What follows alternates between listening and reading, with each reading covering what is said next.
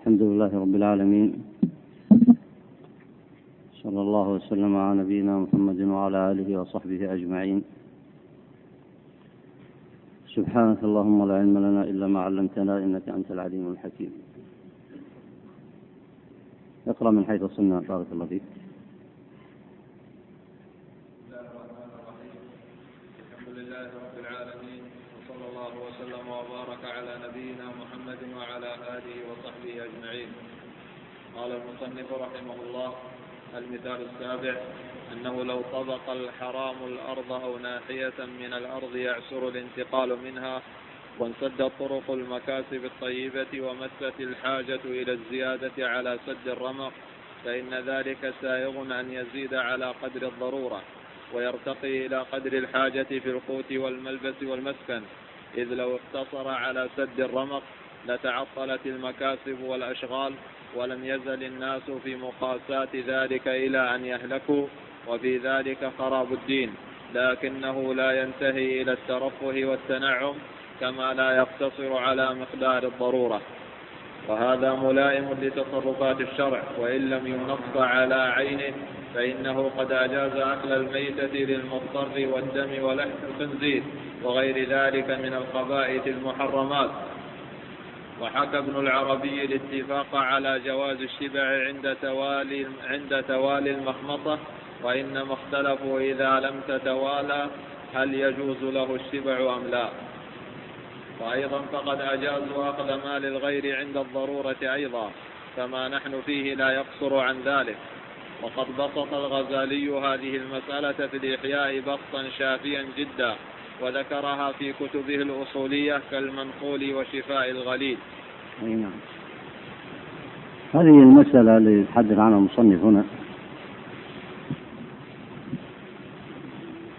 هي أن يكون الإنسان مثلا في قرية فيتعامل الناس مثلا في هذا الربا كلهم. أو أن يكون مثلا في في مكان كل ما عند الناس مثلا مغصوب. أخذوه ظلما وعدوانا. أو أن يحتاج الإنسان لمال الغير عند الضرورة فيأخذ منه. والمقصود الضرورة هنا خوف الهلك على نفسه كما لو يحتاج إلى أكل الميتة للمضطر فهل بين هذه الأمور اشتراك في المعنى؟ لو أن الإنسان في مكان معين وأكثر المال من هذا في هذا المكان أو كله من الحرام إذا سلمنا بوجود هذه الصورة فإنه أو كانت منتشرة فإن ما ذكره المصنف هنا أنه يأخذ قدر الضرورة. قياسا على من كان جائعا وخاف على نفسه الهلاك ولم يجد شيئا طيبا يأكل منه فإنه له أن يأكل من الميتة. وكذلك له أن يأكل من لحم الخنزير. فجاز له أن يأكل من المحرم في مثل هذه الحالة للاضطرار ومثله أيضا أن يأكل من مال الغير لأن مال الغير محرم عليك إلا بإذنه. فلك أن تأكل منه عند الاضطرار خوف الهلكة والموت. هذه صورة المسألة التي ذكرها المصنف. ثم بعد ذلك فرع عليها هل يأخذ قدر الضرورة أو يتوسع؟ يعني هل يأكل بقدر ما يرتفع عنه سبب الهلاك أو أنه يأكل للشبع والترفه وزيادة النعيم فهنا قال المصنف أنه يأكل بقدر ما يحتاج وليس بالضرورة أن يقف عند حد رفع المسغبة ولكنه أيضا لا ينتهي به الأمر إلى زيادة الترفه والتنعم. هذه صورة المسألة التي ذكرها المصنف. وأول ما ابتدأ كما سمعتم وكما ترون في الكتب عندكم قال قال إنه لو طبق الحرام الأرض أي وجه الأرض.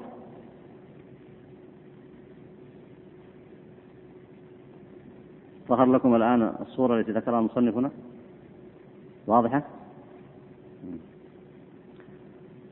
بقي السؤال هنا. هل الحرام يمكن أن يطبق وجه الأرض؟ بحيث لا يكون هناك حلال يتصرف الإنسان فيه؟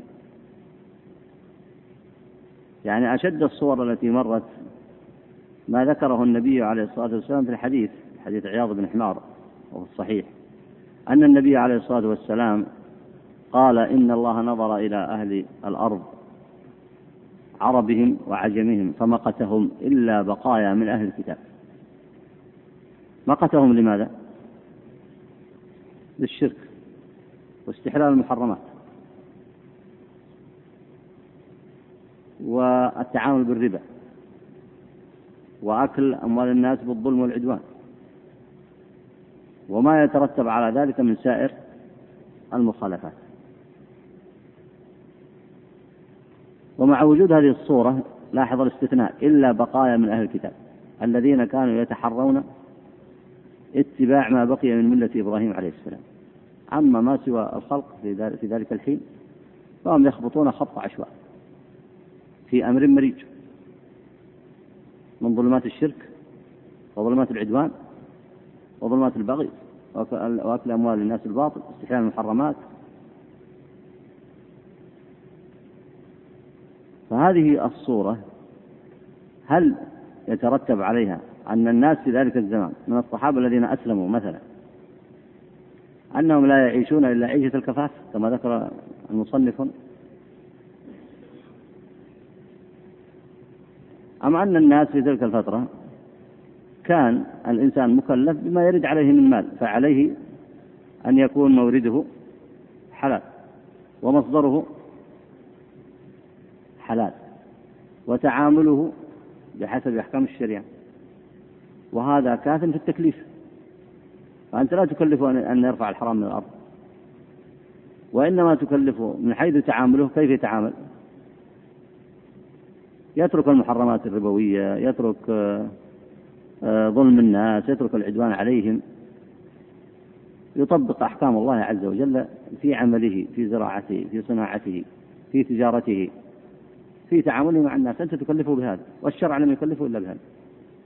فإذا تحصل له ذلك ثم تحصل له مال من هذا التصرف الشرعي فكيف نحرج عليه ونقول مثلا أنه لا يستعمل هذا الذي وصل إليه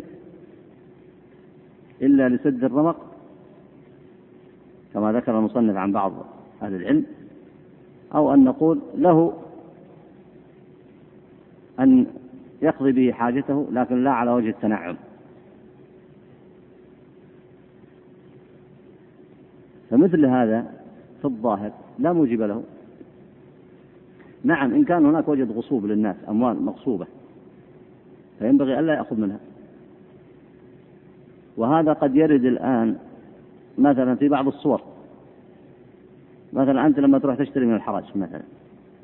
هل كل في الحراج هل كل ما في الحراج حق لمن يبيعه؟ في سرقات وإلا لا؟ إنسان يسرق شيء يجي يبيعه في الحراج مثلا أو مغصوبات. فأنت بأي شيء تكلف. إذا علمت أن هذا مغصوب لا تشتريه. بل تأمر هذا الغاصب أن يرد الغصب إلى من؟ إلى صاحبه. لكن إذا اشتريت شيئا وأنت لا تعلم أنه مغصوب. فما الحرج عليك في ذلك؟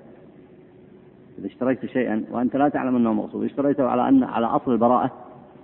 البراءة الأصلية. على أصل الإباحة.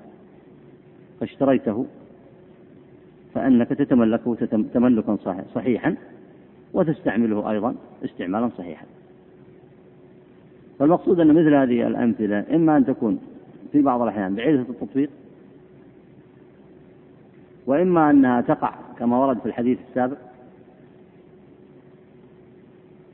وإما أنها تقع في مجالات ضيقة ومع ذلك فإن الإنسان مكلف ألا يظلم ولا يظلم فقد تتعامل مع إنسان يتعامل بالربا.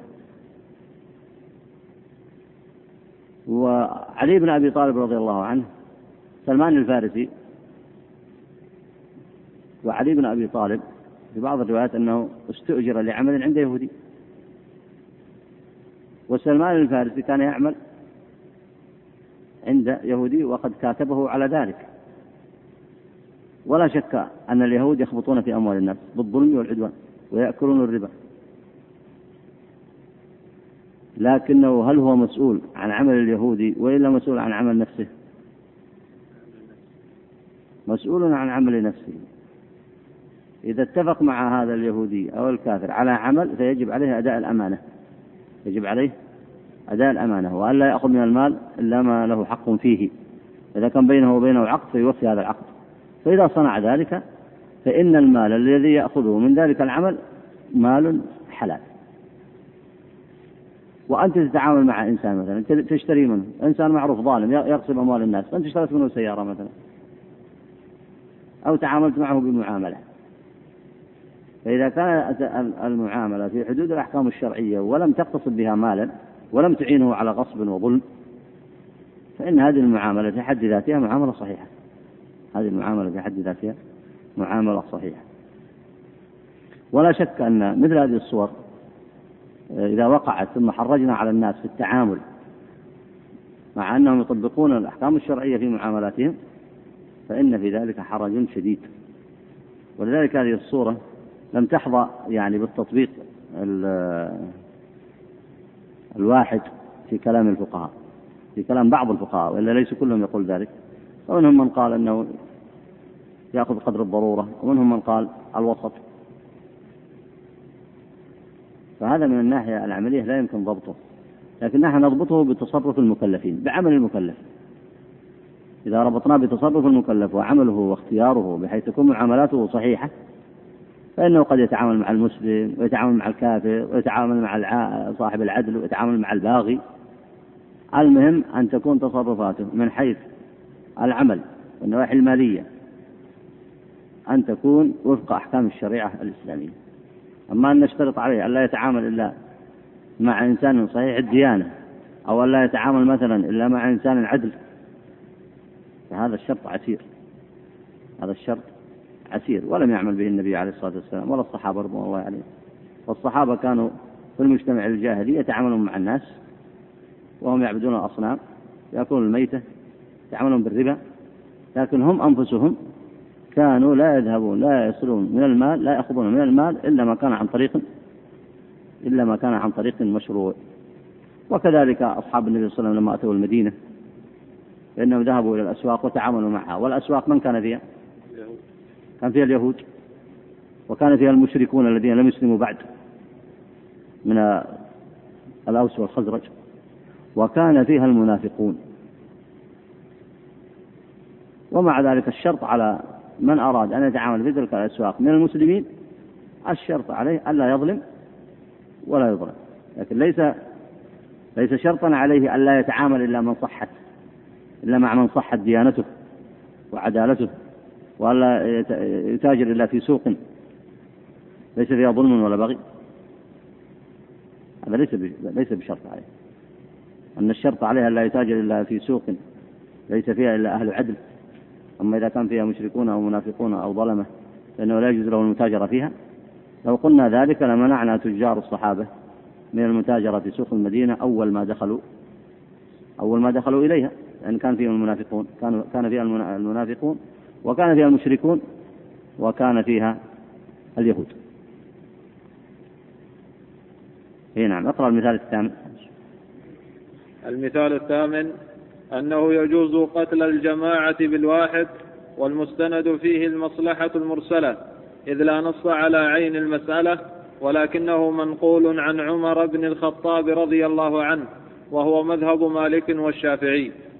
ووجه المصلحة أن دم القتيل معصوم وقد قتل عمدا فإهداره داع إلى خرم أصل القصاص واتخاذ الاستعانة والاشتراك ذريعة إلى السعي بالقتل إذا علم أنه لا قصاص فيه.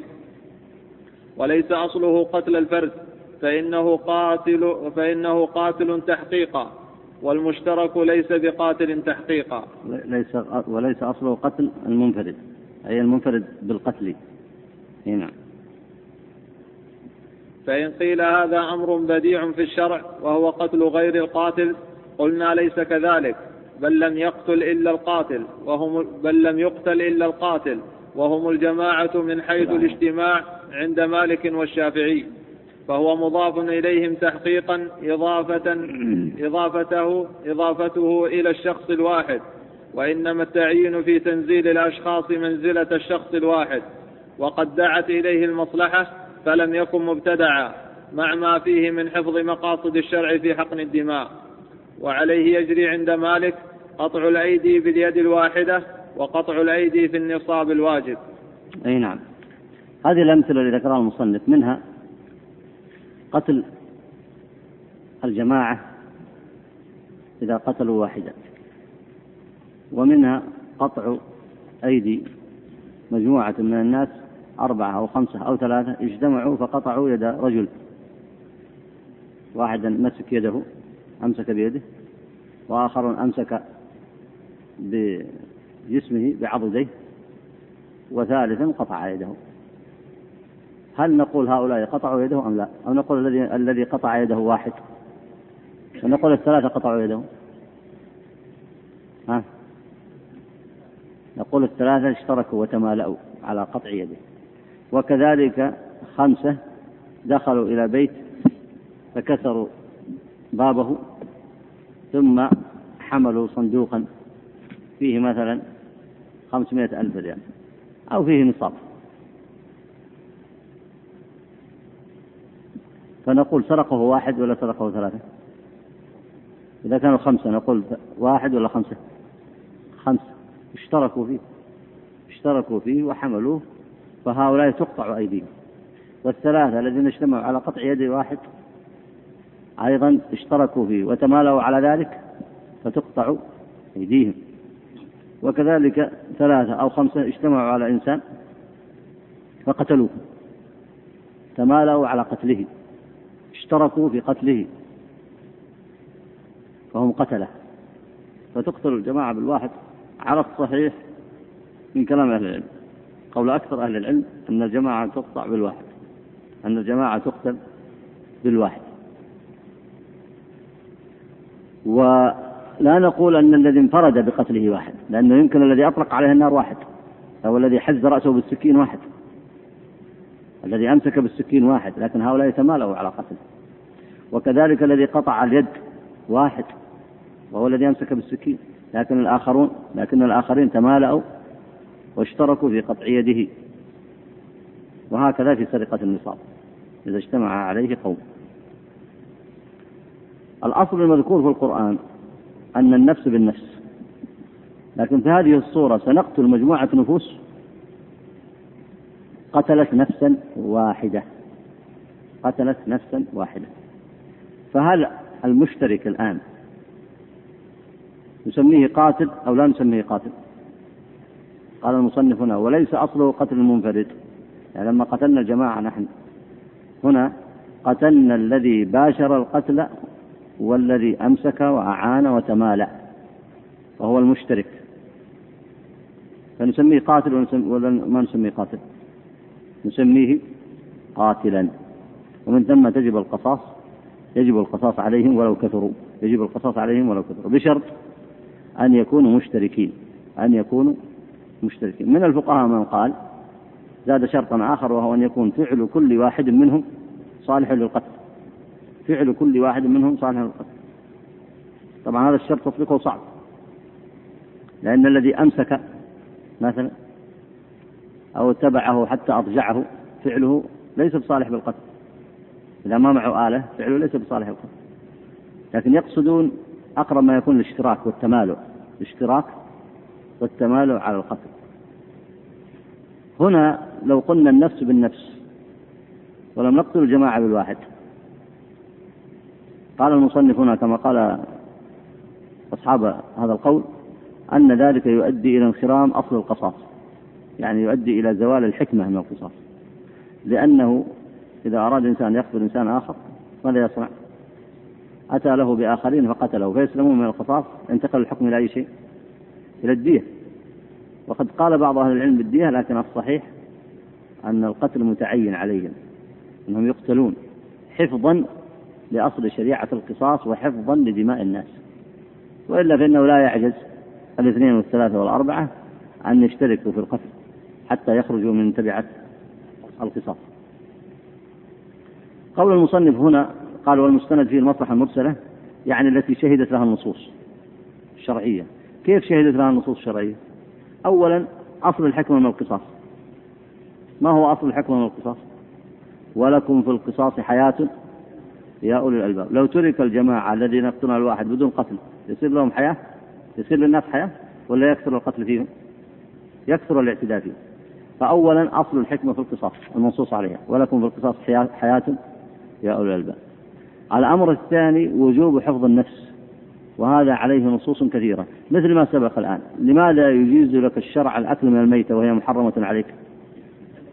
حفظا لنفسك. ومن من قال من العلماء من قال عزيمة أكل من الميتة. يعني إذا لم يأكل ومات فإنه يأتم. وكذلك الدفع عن أهل الإسلام لحفظ نفوسهم حتى وإن قتل منهم من قتل لحفظ النفس. وكذلك الأكل من الطيبات وسائر ما ورد في الوجوب على محافظة النفس المحافظة على النفس. وكل ذلك من الأدلة وغيرها كثير يدل على وجوب حفظ النفس. وجوب حفظ النفس أصل شرعي.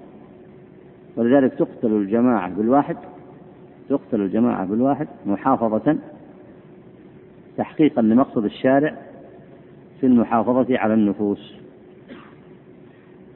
أما أما قوله ولكنه منقول إذا نص على على عين مسألة ولكنه منقول عن عمر هذا صحيح. ولذلك هذا مذهب مالك والشافعي أصحاب الرأي أبي حنيفة وأيضا رواية عن أحمد. أما نقله عن عمر فهو في في البخاري ترجم له البخاري. ترجم البخاري في باب قتل الجماعة بالواحد. ثم قال ونقل عن عمر أن غلاما أن غلاما قتل غيلة. فقال عمر لو اشترك فيه أهل صنعاء لقتلتهم. يعني حتى لو اشترك فيه جماعة أقتلهم به حفظا للنفس. وهو أيضا في المصنف لعبد الرزاق. أن عمر قتل سبعة من أهل صنعاء. سبعة. لأنهم قتلوا رجلا. قتل سبعة برجل. قتل جماعة بواحد. وقال لو اشترك في أهل صنعاء لقتلتهم. وفعل عمر رضي الله عنه مبني على الأدلة السابقة. فعل عمر مبني على الأدلة السابقة. نعم؟ أي قصاص. نعم. يقتلهم قصاص. لأنهم اشتركوا في القتل فوجب القصاص على كل واحد منهم.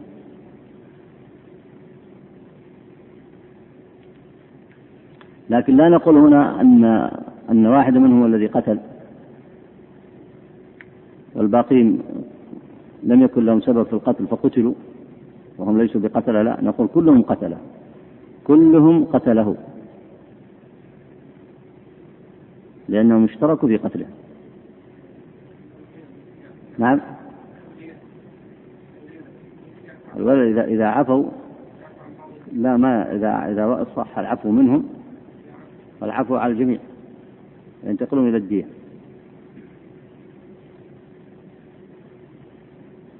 لكن هنا بحث هذه المسألة تنزيل الأشخاص في مجموعهم منزلة الشخص الواحد. لماذا؟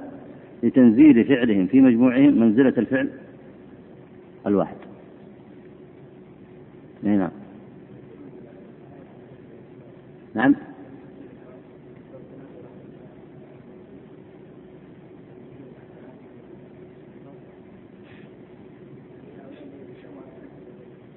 هذا قتل الغيلة قتل الغيلة ذكر بعض أهل العلم أنه لا يصح في العفو.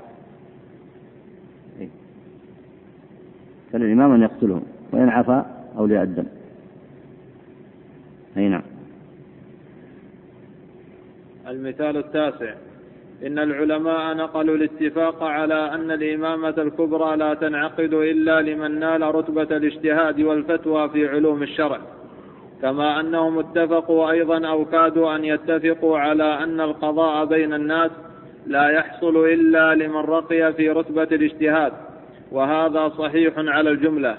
صحيح على الجملة عند تحققه عند إمكان تحققه. ولذلك قال اتفقوا أو كادوا.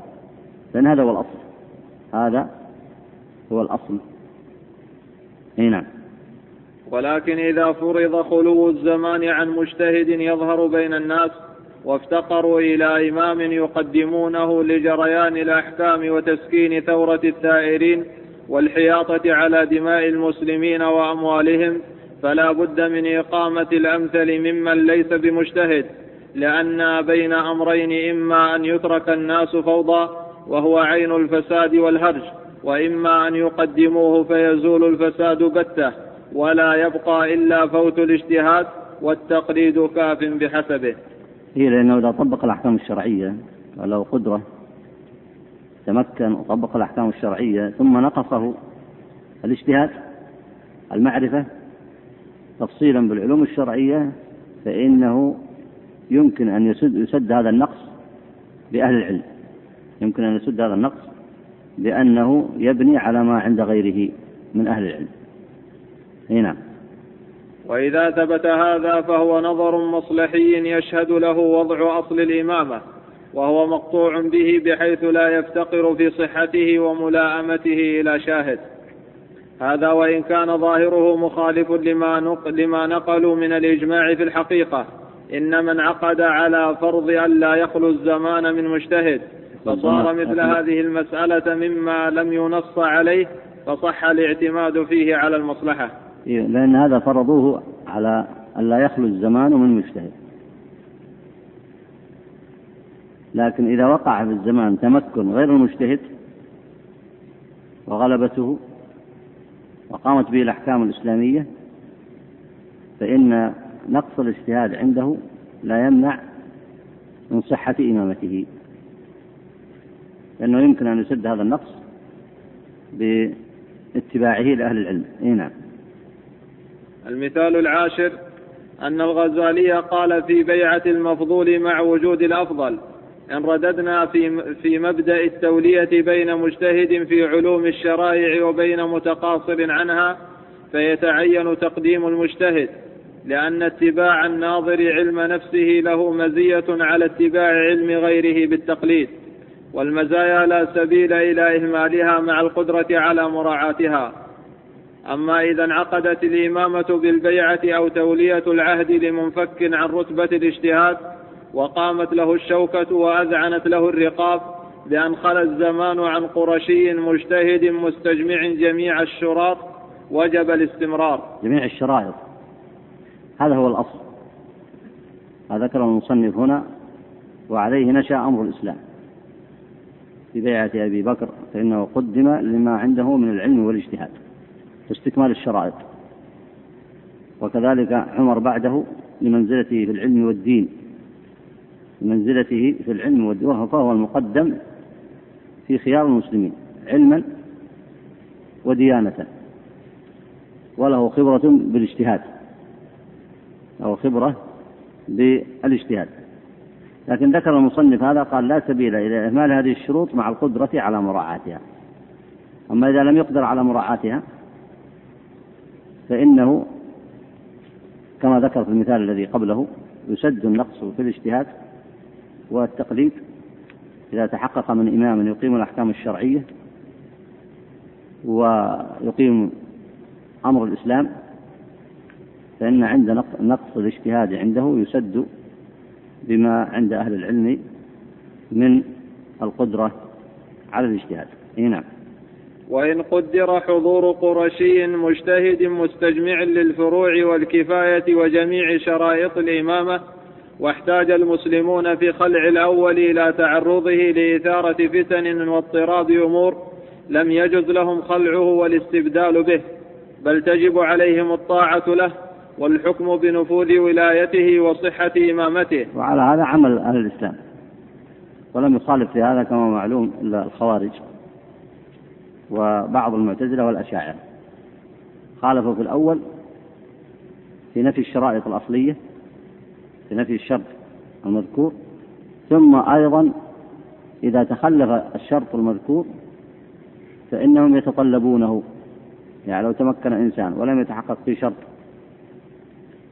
آه، كما تحقق في أبي بكر وعمر وعثمان بشرط القرشية المذكور ذكره صاحب المصنف هنا فإنهم يتكلفون في خلعه وكذلك بعضهم إذا لم يكن فيه قدرة على الاجتهاد في الأحكام الشرعية عليه صاحب التخصص الأحكام الشرعية. وكل ذلك خلاف ما ذكره أهل العلم من أنه إذا أقام الأحكام الإسلامية فإن النقص الذي عنده يسد. ما هو متخصص في الأحكام الشرعية؟ فإنه يسد بما عند أهل العلم من التخصص. إيه نعم. لأننا نعلم أن العلم مزية روعيت في الإمامة تحصيلا لمزيد المصلحة في الاستقلال بالنظر والاستغناء عن التقليد وأن الثمرة المطلوبة من الإمام تطفئة الفتن الثائرة من تفرق الآراء المتنافرة فكيف يستجيز العاقل تحريك الفتنة وتشويش النظام وتفويت أصل المصلحة وتفويت أصل المصلحة في الحال؟ تشوفا إلى مزيد إلى مزيد دقيقة إلى مزيد إلى مزية. إلى مزية دقيقة في الفرق بين النظر والتقليد. قال وعند هذا ينبغي أن يقيس الإنسان ما ينال الخلق من الضرر بحسب عدول الإمام عن النظر إلى التقليد بما ينالهم لو تعرضوا لخلعه والاستبدال به أو حكموا بأن إمامته غير منعقدة. هو الأصل أنه يحكم بأن إمامته منعقدة. ثم النقص يكمل. ثم النقص يكمل. بالنسبة للعلم يكمله له أهل العلم. يكمله له أهل بالرجوع إلى أهل العلم والعارفين بتفاصيل الشريعة فيما يحتاجه إذا الواجب عليه الرجوع بالتفصيل في كل ما يحتاجه أهل الإسلام إلى أحكام الشريعة. فإذا رجع إلى إلى أهل العلم وعرف أحكام الشريعة من ذلك وأقامها فقد تحقق المقصود. وإن لم يكن عارفا بها على التفصيل لأن المقصود التطبيق لأن المقصود العمل بها وتطبيقها. فإذا عرفها عن أهل العلم وأقامها على التفصيل فقد تحقق المقصود. إذا عرفها من أهل العلم على التفصيل فأهل العلم يعرفونها على التفصيل بأدلتها وهو قد يعرفها على الإجمال وقد لا يعرف كثيرا منها. ثم إذا نظر أهل العلم في المسائل التي يحتاجها الناس في مسائل القضاء في مسائل الفتيا في مسائل النوازل في غيرها فذكروا فيها ما يتعلق بالأحكام الشرعية وعرفوا ذلك بالتفصيل فإنه ليس بالضرورة أن يعرف هو ذلك بالتفصيل. فقد يدرك ذلك بالإجمال وقد يجهله. لكن المقصود هو أخذ ذلك عنهم وتطبيقه والعمل به. فإذا قام بذلك فقد تحققت المصلحة المرجوة من إمامته. أي نعم. هذا ما قال وهو متجه بحسب النظر المصلحي وهو ملائم لتصرفات الشرع وإن لم يعضده نص على التعيين. وما قرره هو أصل مذهب مالك. قيل ليحيى بن يحيى البيعة مكروهة. قال لا. قيل له فإن كانوا أئمة جور فقال فقال قد بايع ابن عمر لعبد الملك بن مروان وبالسيف أخذ الملك. أخبرني بذلك مالك عنه. أنه كتب إليه وأمر له بالسمع والطاعة على كتاب الله وسنة نبيه. إي نعم إذا أقام كتاب الله وسنة النبي صلى الله عليه وسلم فله السمع والطاعة. بصرف النظر عن الطريق الذي أخذ بذلك أخذه بذلك سواء أخذه عن البيعة الصحيحة مرتبة ترتيبا شرعيا أو أخذ ذلك عن الغلبة كما ذكر في المثال. لكن إذا تحقق المقصود بعد ذلك وهو إقامة كتاب الله وسنة النبي عليه الصلاة والسلام فلا ينظر إلى تفصيل كيف وصل إلى ذلك. نعم. قال يحيى والبيعة خير من الفرقة. قال ولقد أتى مالكا العمري فقال له يا أبا عبد الله بايعني أهل الحرمين وأنت ترى سيرة أبي جعفر فما ترى؟ فقال له مالك أتدري ما الذي منع عمر من أتدري ما الذي منع عمر بن عبد العزيز أن يولي رجلا صالحا؟ فقال العمري لا أدري. قال مالك لكني أنا أدري. إنما كانت البيعة ليزيد بعده. فخاف عمر إن ولي, إن ولي رجلا صالحا إن ولى إن ولى. رجلا صالحا أن لا يكون ليزيد بد من القيام. فتقوم هجمة فيفسد ما لا يصلح. فيفسد ما لا يصلح. فصدر رأي هذا العمري على رأي عم على رأي مالك. فظاهر هذه الرواية أنه إذا خيف عند خلع عند خلع غير المستحق وإقامة المستحق أن تقع فتنة وما لا يصلح فالمصلحة الترك. وروى البخاري عن نافع قال لما خلع أهل المدينة يزيد بن معاوية جمع ابن عمر حشمه وولده فقال إني سمعت رسول الله صلى الله عليه وسلم يقول ينصب لكل غادر لواء يوم القيامة. وإنا قد بايعنا, بايعنا هذا الرجل على بيعة الله ورسوله. وإني لا أعلم أحدا منكم خلعه ولا تابع في هذا الأمر إلا كانت الفيصل بيني وبينه. هذا من فقه ابن عمر رضي الله عنه والأثر في البخاري عن ابن عمر أخرجه البخاري في صحيحه. لأن مقصود الإمامة جمع الناس على الإسلام. وإقامة أحكام الدين وإقامة شعائره. ويزيد في الجملة كان قائما بذلك. حتى أنه كان يرسل الجهاد للثغور وكان فيه ظلم وبغي. فلما أراد الناس أن يصححوا هذا النقص الذي فيه ويطلبوا فيه العدالة في جميع تصرفاته فإن ابن عمر أنكر ذلك. أنكر ذلك ونهاهم عن الخروج ونهاهم عن الخروج عليه لأن استصلاح ذلك ممكن عن طريق البيان عن طريق الدعوة عن طريق إقامة الحق عليه عن طريق حمله على الحق عن طريق نصيحته عن طرق كثيرة جدا. لكن آه الخروج عليه منع منه السلف لما ذكر هنا لما ذكر ابن عمر وكان هذا أصبح هذا قاعدة بالنسبة لأئمة السلف بعد ذلك. إذا تحقق مقصود الإمامة وهو إقامة الكتاب والسنة وجمع الناس على أمر الإسلام إظهار الدين فإن النقص في مسائل الاجتهاد أو في وقوع بعض صور الظلم كل هذا يمكن معالجته. مسائل الاجتهاد يسد النقص في أهل العلم ومسائل الظلم تعالج بالأسباب الشرعية المعروفة. أي نعم. قال ابن العربي وقد قال ابن الخياط إن بيعة عبد الله ليزيد كانت كرها وأين يزيد من ابن عمر؟ ولكن رأى بدينه وعلمه التسليم لأمر الله والفرار, والفرار عن التعرض لفتنة فيها من ذهاب الأموال والأنفس ما لا يخفى. فخلع يزيد لو تحقق أن الأمر يعود في نصابه فيه تعرض لفتنة عظيمة. فكيف ولا يعلم ذلك؟ وهذا أصل عظيم فتفهموه والزموه. ترشد ترشدوا إن شاء الله. وعلى هذا آه، أصبح كلام السلف على هذا الأصل. أصبح كلام هذا السلف على على هذا الأصل. ويستثنى من ذلك ما ورد في الحديث إلا أن تروا كفرا بواحا عندكم فيه من الله برهان. أي نعم.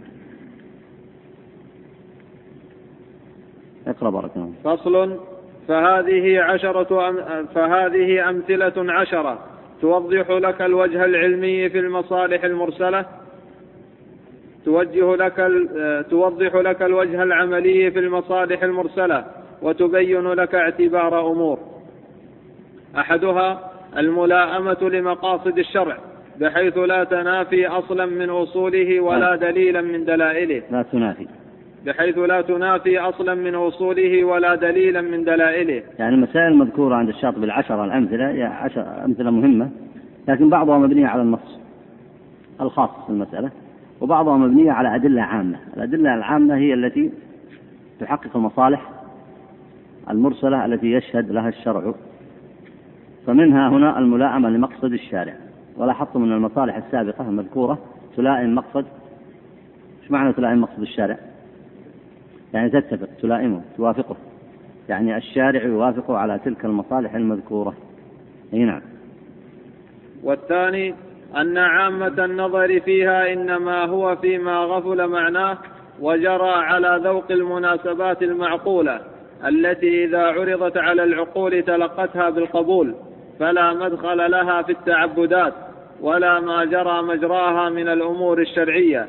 لأن عامة التعبدات لا يعقل لها معنى على التفصيل كالوضوء والصلاة والصيام في زمان مخصوص دون غيره والحج ونحو ذلك. ليش فرق المصنف هنا بين الأمثلة العشرة المذكورة وبين ما يتعلق بالتعبدات الأمور التعبدية كالوضوء والصلاة والصيام؟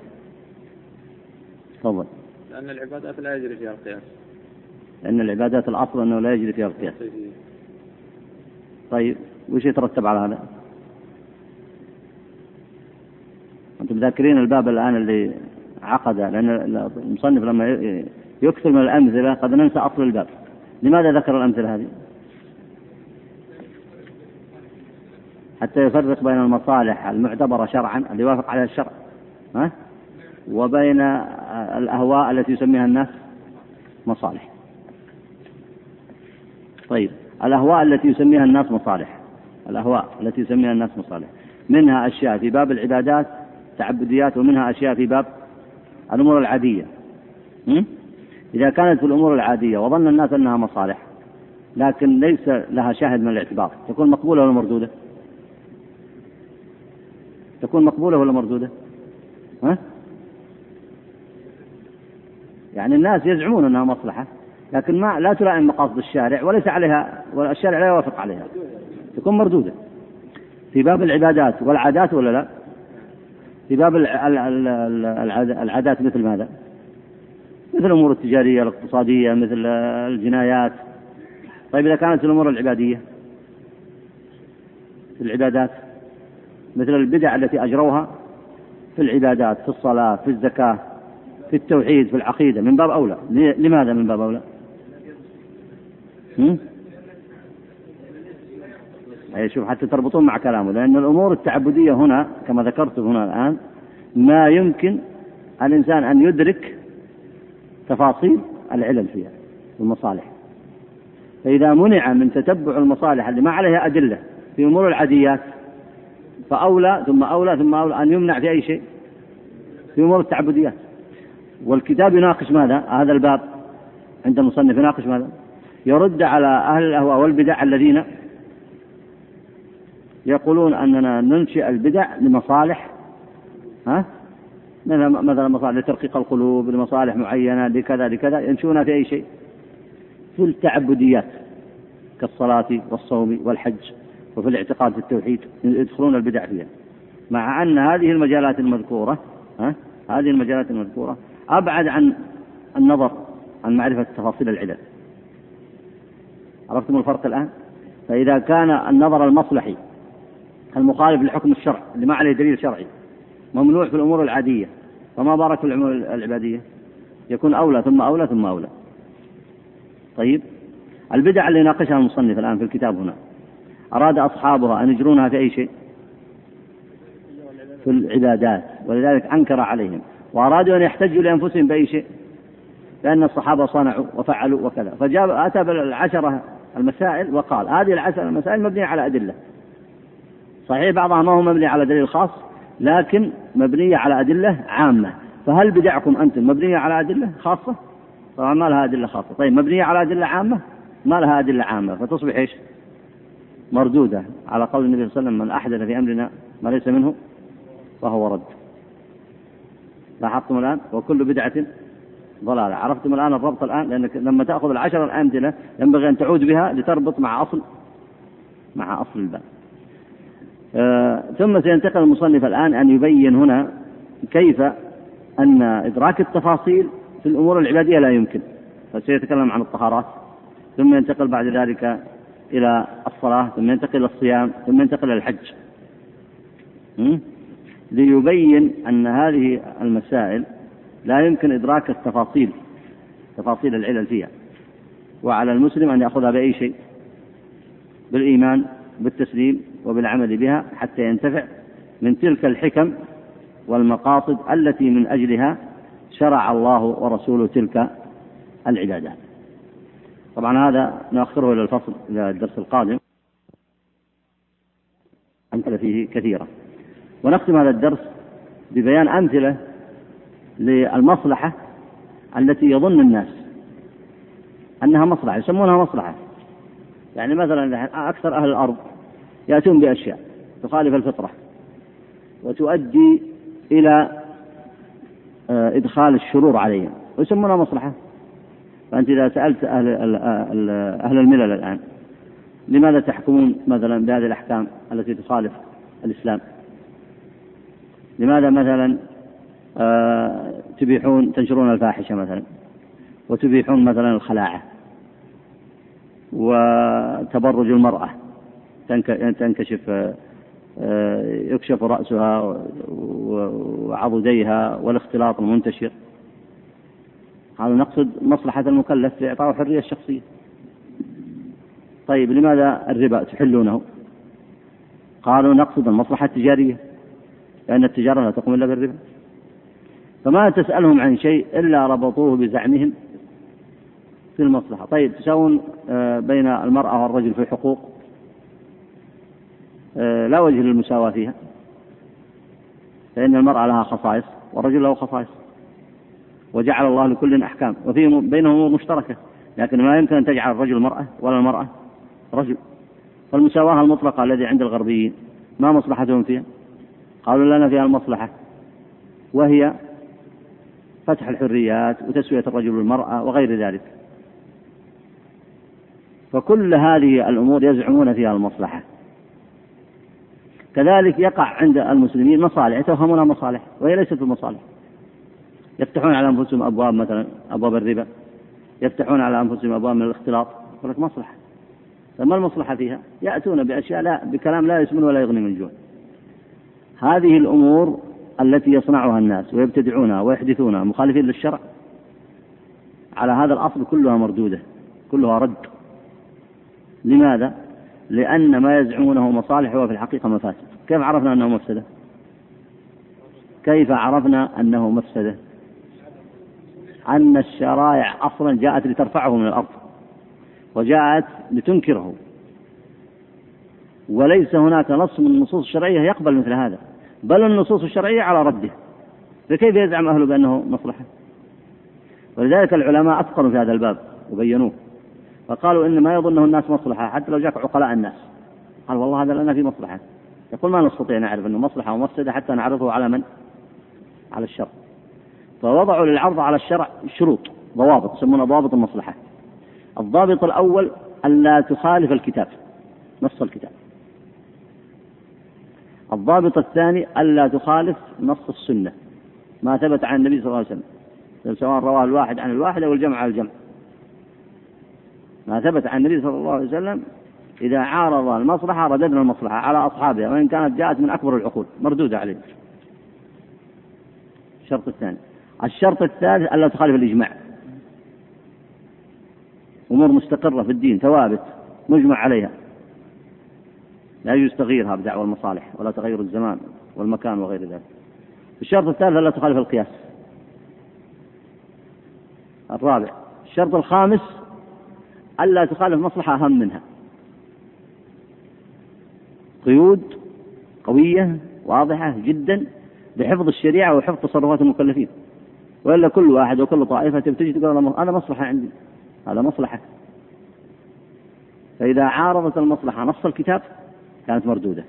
عارضت نص السنة مردودة. عارضت الإجماع مردودة. عارضت القياس الجلي مردودة. عارضت مصلحة أكبر منها مردودة. فلا بد أن يجتمع للمصلحة زوال هذه الشروط. يعني لا يعارضها نص كتاب ولا سنة ولا إجماع ولا قياس ولا تعارض مصلحة أكبر منها. بمعنى أنها توافقها الأحكام الشرعية. توافقها الأحكام إذا وافقت الشريعة عليها حينئذ نعلم أنها مصلحة. نعلم أنها مصلحة. إذا لم توافق الشريعة عليها نتهم أنفسنا. اتهم نفسك أنت. تتهم نفسك فهي ليست بمصلحة قطعا. ونختم هذا الدرس بذكر ضوابط المصلحة. ولعل نكتفي بهذا المقدار. نقابل إن شاء الله الأسبوع القادم. صلى الله وسلم على نبينا محمد وعلى آله وصحبه أجمعين.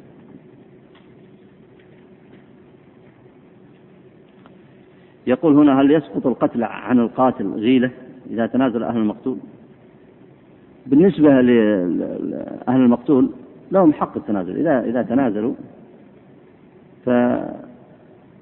فيسقط القتل عن القاتل إلا في بعض الاستثناءات. إذا كان القتل غيلة عند مالك فلا يسقط. وقال به أهل العلم فلولي الأمر أن يختار القصاص نكاية به وعقوبة له. نعم.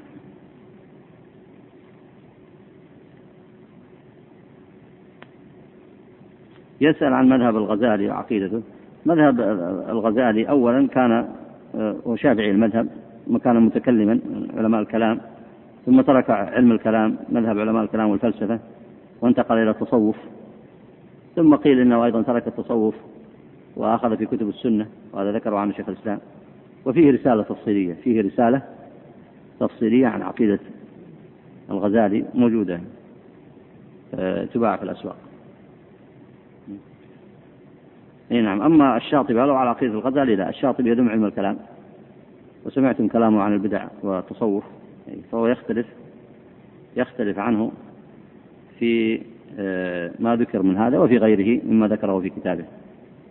الإمام الشاطبي له تجديدات كثيرة نصر بها السنة وأنكر بها البدع. ولذلك جعل الله عز وجل بكتابه هذا القبول ونفع الله بكتابه في الآفاق وهو كتاب الاعتصام. فجزاه الله عن الإسلام والمسلمين خيرا وصلى الله وسلم على نبينا محمد وعلى آله وصحبه أجمعين.